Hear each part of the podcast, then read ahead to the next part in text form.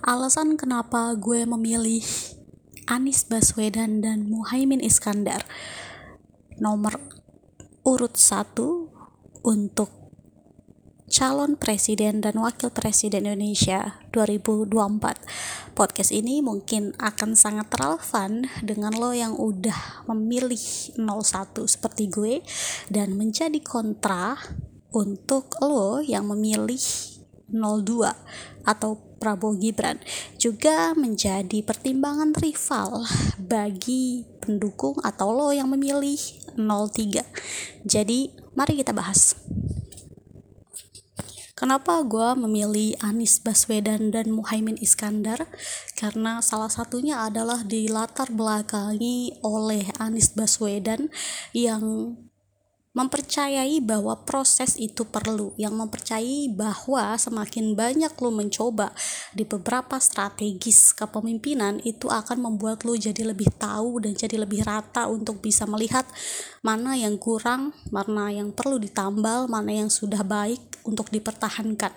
Dan gue merasa Anies Baswedan adalah orang yang terus mau belajar terus berusaha dan itu tentu tidak semua orang bisa.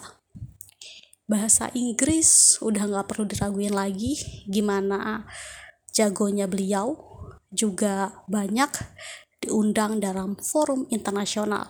Tentu untuk menjadi seorang presiden orang nomor satu di Indonesia kita nggak mungkin masih membuat standar yang rendah.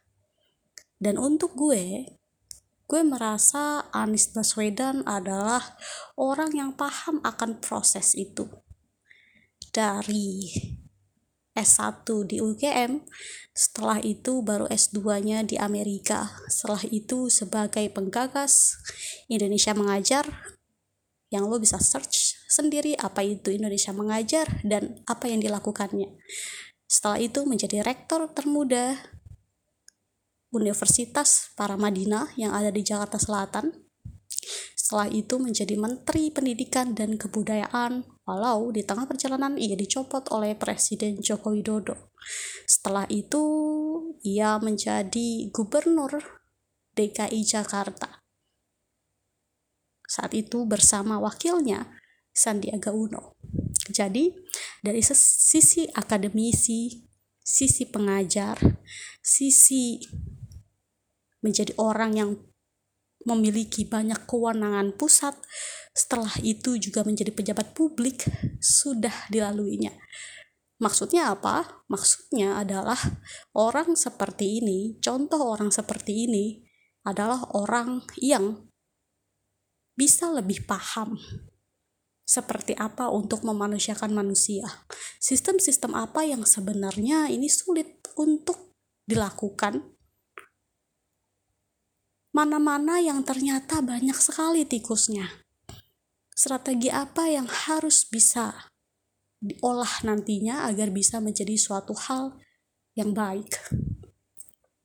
Dan bagusnya adalah dalam kepemimpinan lima tahunnya di Jakarta, dia berhasil membangun Jakarta International Stadium atau JIS yang ia mengklaim bahwa 100% itu adalah buatan anak-anak Indonesia tanpa ada campur tangan asing di dalamnya.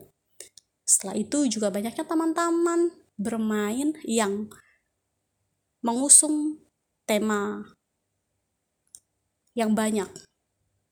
Jadi tempat bermain, ada perpustakaan,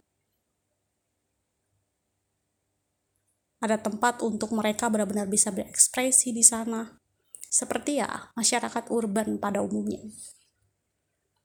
Anies adalah capres paling miskin di antara dua capres rivalnya, Prabowo Subianto dan Gibran, um, sorry, dan Ganjar Pranowo. Dari sana gue ngerasa bahwa ya Anies memang ternyata baik-baik aja karena realistis tidak punya apa-apa kekayaannya pun lebih rendah dari kedua lawannya dan gue selalu mengapresiasi orang-orang yang mau terus belajar. Kalau orang berpikir Anies Baswedan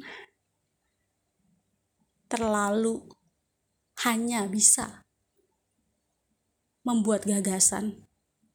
Sebenarnya, jika lo mendengarkan podcast orang berbicara, tapi ternyata sepertinya nggak enak untuk didengar, itu udah menandakan bahwa orang itu nggak punya gagasan. Orang itu nggak punya public speaking yang baik. Orang itu nggak pernah banyak untuk berdebat sebelumnya. Orang itu nggak bisa mengekspresikan dirinya tidak bisa banyak membaca, tidak bisa tahu kata-kata yang ribuan yang harusnya bisa dikatakan. Bahkan saat orang bisa merangkai kata-kata yang indah, itu ada pelajarannya. Dikasih bukti dibilang menyerang secara personal. Sebenarnya di mana-mana ataupun juga di pengadilan saat jaksa penuntut umum memberikan bukti tentu akan ada waktu yang sama yang diberikan oleh hakim untuk penasehat hukum. Jadi sebenarnya jawabannya hanya dibuktikan balik aja. Dibuktikan balik, sama-sama punya pengalaman, walaupun di bidang yang berbeda, sama-sama punya anggaran yang bisa untuk dipertanggungjawabkan dan bisa dibuka di publik apakah memang benar semua yang diucapkan oleh lawan. Jika itu fitnah ataupun tidak mendasar secara fakta yang valid kan rakyat juga bisa tahu siapa yang salah dan siapa yang benar. Gue sangat menghindari orang-orang yang berorasi. Kata-kata seperti saya tidak takut mati untuk bangsa ini. Saya rela mati untuk rakyat ini. Atau seperti kata-kata, hmm, jika saya diberi mandat, kata-kata orasi yang saya tidak menyukai itu gitu. Jadi kalau Anda melihat itu benar-benar membosankan. Dan saya rasa itu terlalu idealis. Idealis bagus untuk negarawan. Tapi kata-kata yang selalu diulang-ulang itu membuat saya sedikit terganggu. Mungkin podcast ini seperti tidak terlihat netral. Karena saya rasa saya mesti menyuarakan apa yang saya pikir benar. Karena saya agak terganggu dengan statement orang yang cukup berpengaruh yang menginginkan bahwa pilih 01, 02, dan 03 itu nggak ada gunanya. Menjelekan ketiga capres dan seolah-olah membuat menggiring opini agar orang lain juga golput mengikuti dirinya. Dan itu sangat tidak baik. Dan oke, okay, kita kembali ke topik. Gue sudah menulis semuanya. Jadi kalian pasti udah tahu kalau gue belum kalau gue belum oke okay banget tentang mau ngomongin podcast dan gue belum banyak bahan gue pasti nggak mau buat podcast. Walaupun itu pasti agak menyebalkan karena gue nggak bisa se continue podcast podcast orang lain gitu. Acara desak Anis di Jogja itu pindah tempat sampai tiga kali. Sebenarnya kalau di tempat awal itu ternyata museumnya itu katanya apa ya punya TNI atau gimana itu kan bisa dibicarakan bukan hamin satu sebelum acara yang sangat mendadak. Dan ini tuh sering banget acara desak Anis ini dibatalkan sering banget di kota-kota lain juga gitu. Jadi intimidasi intimidasi secara tidak langsung ini benar-benar dirasakan oleh paslon 01 dan juga kalau lu orang atau warga X warga Twitter pasti paham dengan gerakan Videotron yang digagas oleh Olpami Project dan Anis Bubble untuk menayangkan Videotron Anis Baswedan sebagai bentuk kecintaannya kepada sosok Anis Baswedan. Jadi pertama Videotron itu ada di Geraha Mandiri Jakarta dan Grand Metro Metropolitan Bekasi. Jadi ada dua. Dan diturunkan atau di take down sebelum 24 jam. Dan untuk bisa mengetahui alasan ini, itu warga Twitter harus menunggu sekitar hampir seminggu. Tetapi karena Videotron ini di take down di dua lokasi kota yang berbeda. Sebelum 24 jam, walau sudah um, kontrak selama satu minggu dan sudah dibayar lunas ini sudah gue buat videonya di tiktok gue dengan nama gue yang sama jadi silahkan lihat. Ternyata setelah di take down itu menjadi viral viralnya lewat media sosial twitter nah Tadinya yang tahu Videotron ini tentu hanya pendukung-pendukung 01 aja. Tapi karena viral, akhirnya satu Indonesia tahu.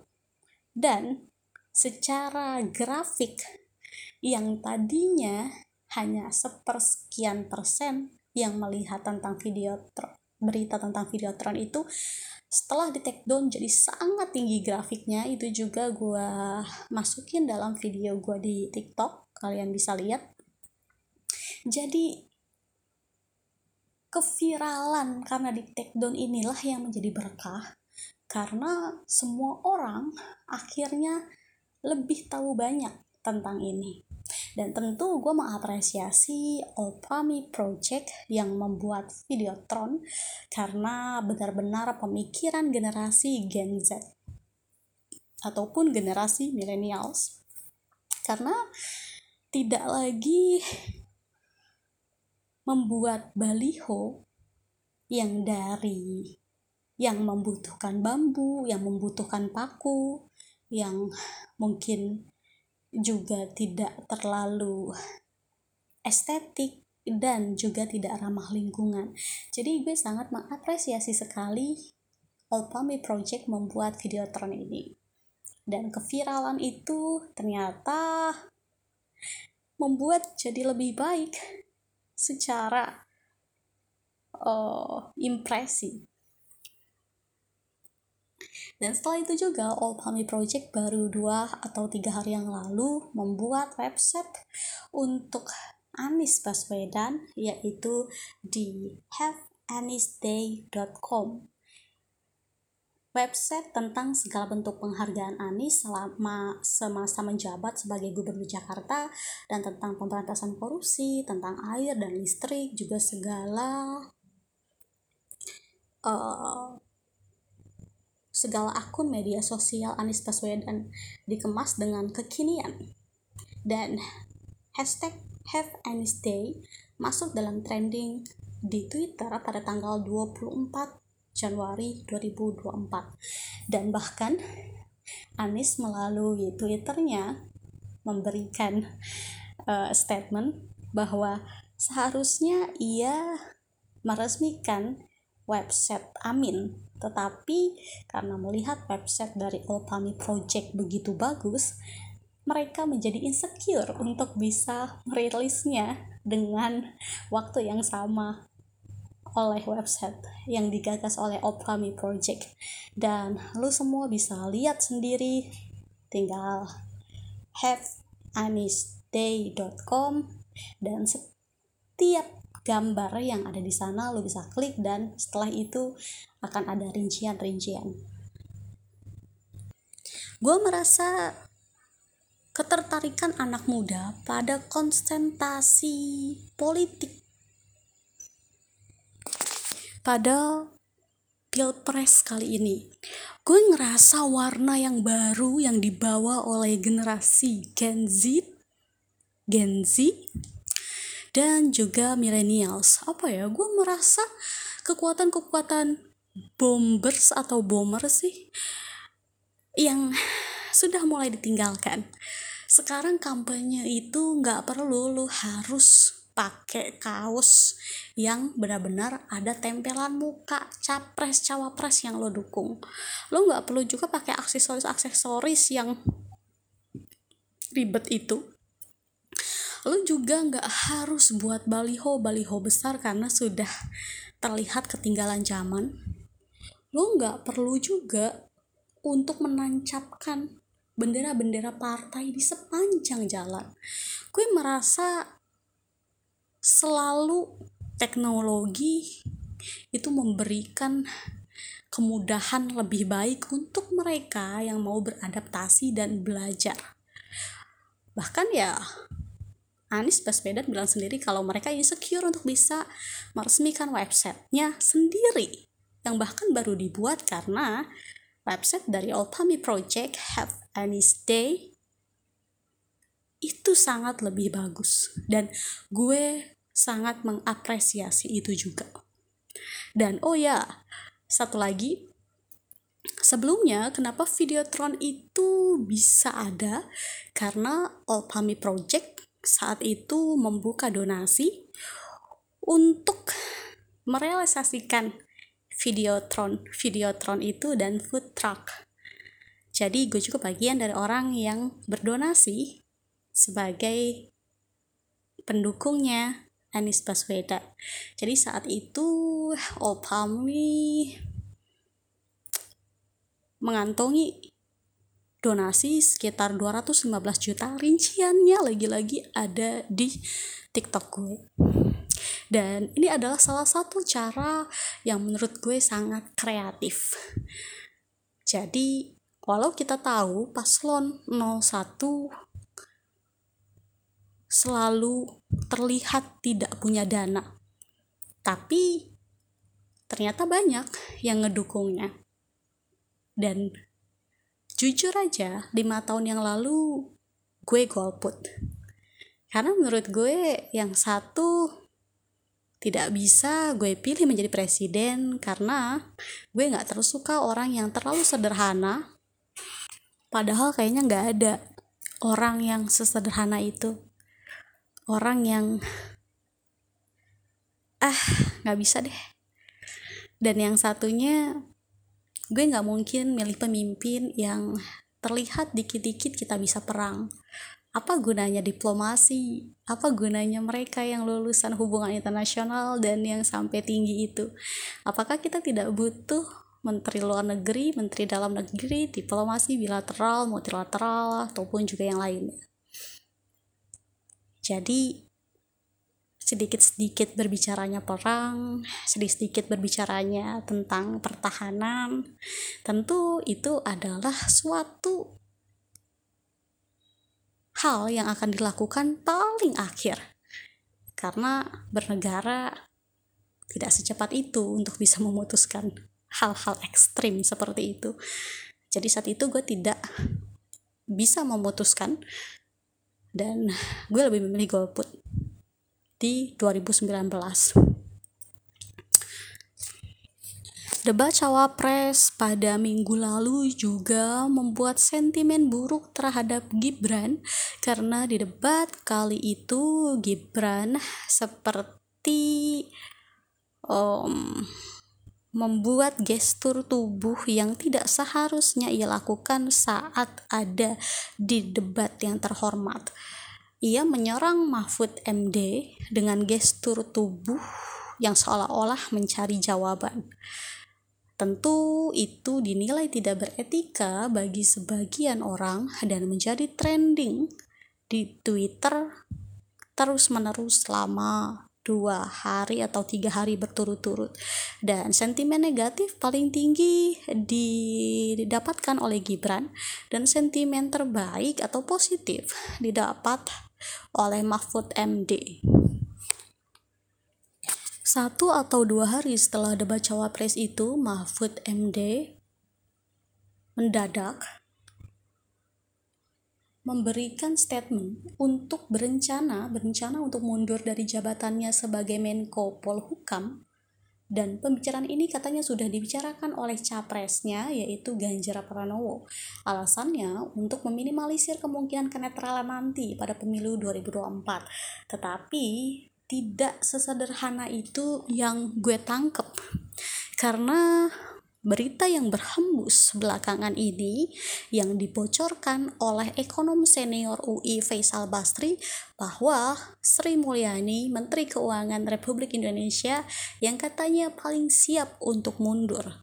Tentu kalau kita lihat bagaimana dulu Soeharto bisa lengser karena 14 menterinya mundur secara bersamaan dan pemerintahan tidak akan bisa berjalan tanpa menteri-menteri.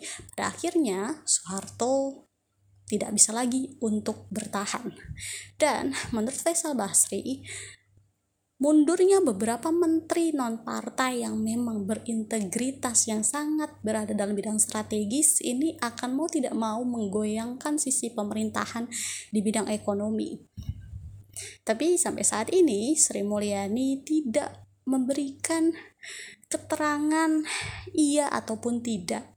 Apakah benar ia akan mundur dari jabatannya sebagai Menteri Keuangan. Adapun Mahfud setelah itu mantap mengatakan di acara Tabrak Prof yang di live langsung di akun YouTube-nya bahwa ia sudah berencana untuk mundur dari Menko Polhukam. Mahfud MD juga sebagai menteri non-partai yang cukup berpengaruh dan berintegritas di dalamnya dan sebenarnya penjagaan-penjagaan Anies itu memang berada sangat awal dari saat ia dideklarasikan oleh Partai Nasdem menjadi capres. Juga saat itu banyak sekali pihak elit yang meragukan bahwa Anies Baswedan dan Muhaimin Iskandar bisa lolos mendaftar sampai KPU pusat. Bahkan Anies mensatir mengatakan setelah ia berhasil mendaftar sebagai capres di KPU pusat mengatakan saya meminta maaf kepada mereka yang pesimis yang mengatakan bahwa saya tidak bisa mendaftar sampai di KPU pusat.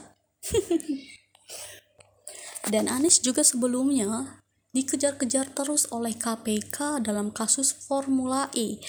Dikejar-kejar terus dan saat itu beberapa pihak mengatakan bahwa itu bagian dari penjegalan untuk digagalkannya Anies bisa melaju sebagai capres yang sudah terdaftar di KPU pusat.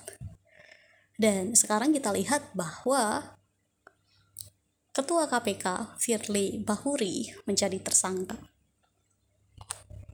Sebenarnya Anies tidak terlalu berhasil di awal-awal untuk bisa menggait anak-anak muda Gen Z dan juga millennials karena Anis saat itu berkonsentrasi di desak Anis yaitu sebagai forum tanya jawab apa pun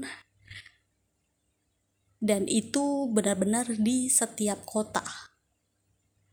Dan beberapa kampanye-kampanye akbar, tetapi ketidaksengajaan terjadi saat Anies Baswedan iseng untuk coba live TikTok.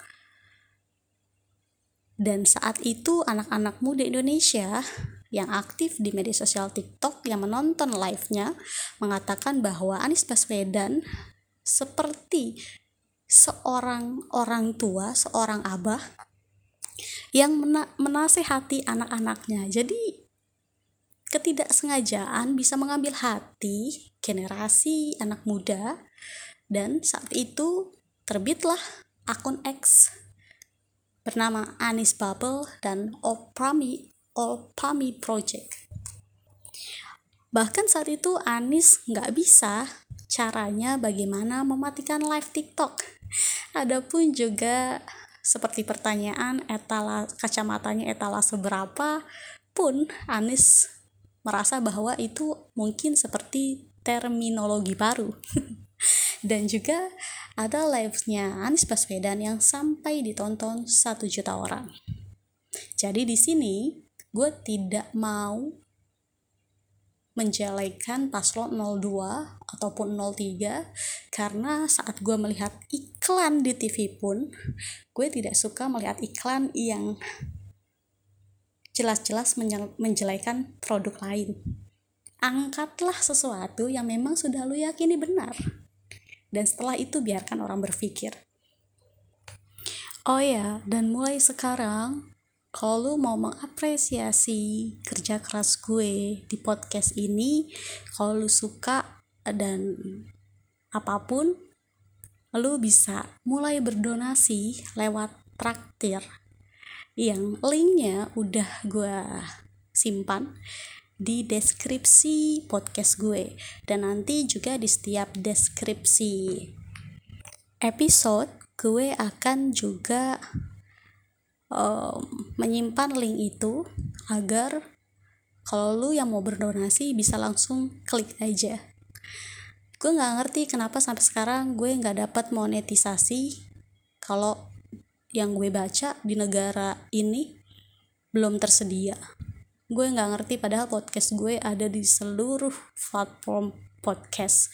Jadi walaupun pemutaran podcast gue udah 12.000 lebih dengan impresi 3.000 lebih di Spotify gue nggak mendapatkan uang sama sekali. Dan bagaimanapun itu cukup membuat gue frustasi karena saat gue berpikir, saat gue memberikan gagasan atau hiburan, gue pasti menginginkan ada feedback balik yang bernilai.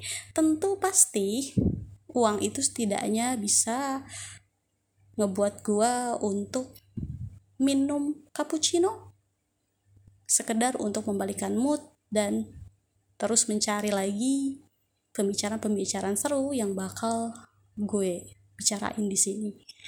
Dan donasi itu pembayarannya banyak banget. Bisa dari QRIS transfer bank GoPay dan lain sebagainya. Donasi itu lo bisa berdonasi dari 5000 sampai dengan 1 juta. Dan tentu gue sangat mengapresiasi itu dan lo juga bisa mengirimkan pesan dukungan untuk gue ataupun juga hmm, seperti request atau keinginan-keinginan ke depan yang lu pengen gue ngebahasnya. Jadi podcast kali ini, sorry kalau lu pendukung 02 dan 03